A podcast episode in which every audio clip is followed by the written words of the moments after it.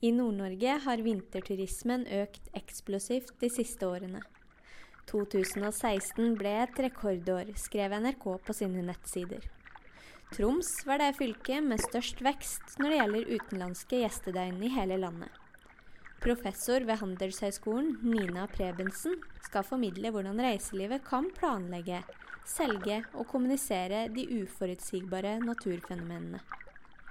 Det skal handle om uh, sesongsvingninger. Det at uh, vi Sånn som i reiselivet og i likhet med andre næringer i nord, så bruker vi av naturressursene.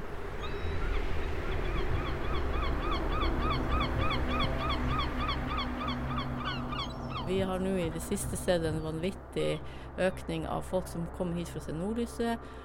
Og vi håper jo at ikke det skal forsvinne, da, men det kommer til å, det er perioder det er lavere. Hvis man eh, driver et reiselivsselskap, da burde man satse på en, et nisjeprodukt eller en nisjeservice, eller uh, tenke volum? Ja, det har jeg tenkt å, å snakke litt om. For jeg syns jo at, uh, at, det er en utrolig interessant Nå ser vi jo et volum som kommer.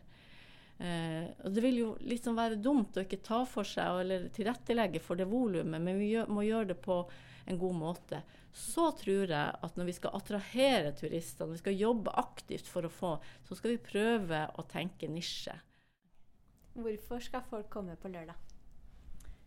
Ja, vi skal jo ha det artig kose oss litt i lag og diskutere litt. Eh, og, og, kanskje også de som ikke nødvendigvis jobber direkte i reiselivsnæringa, men som kanskje kan ha noen både innspill, men også kanskje få med seg noen erfaringer i forhold til hvordan vi gjør det og hvordan vi tenker.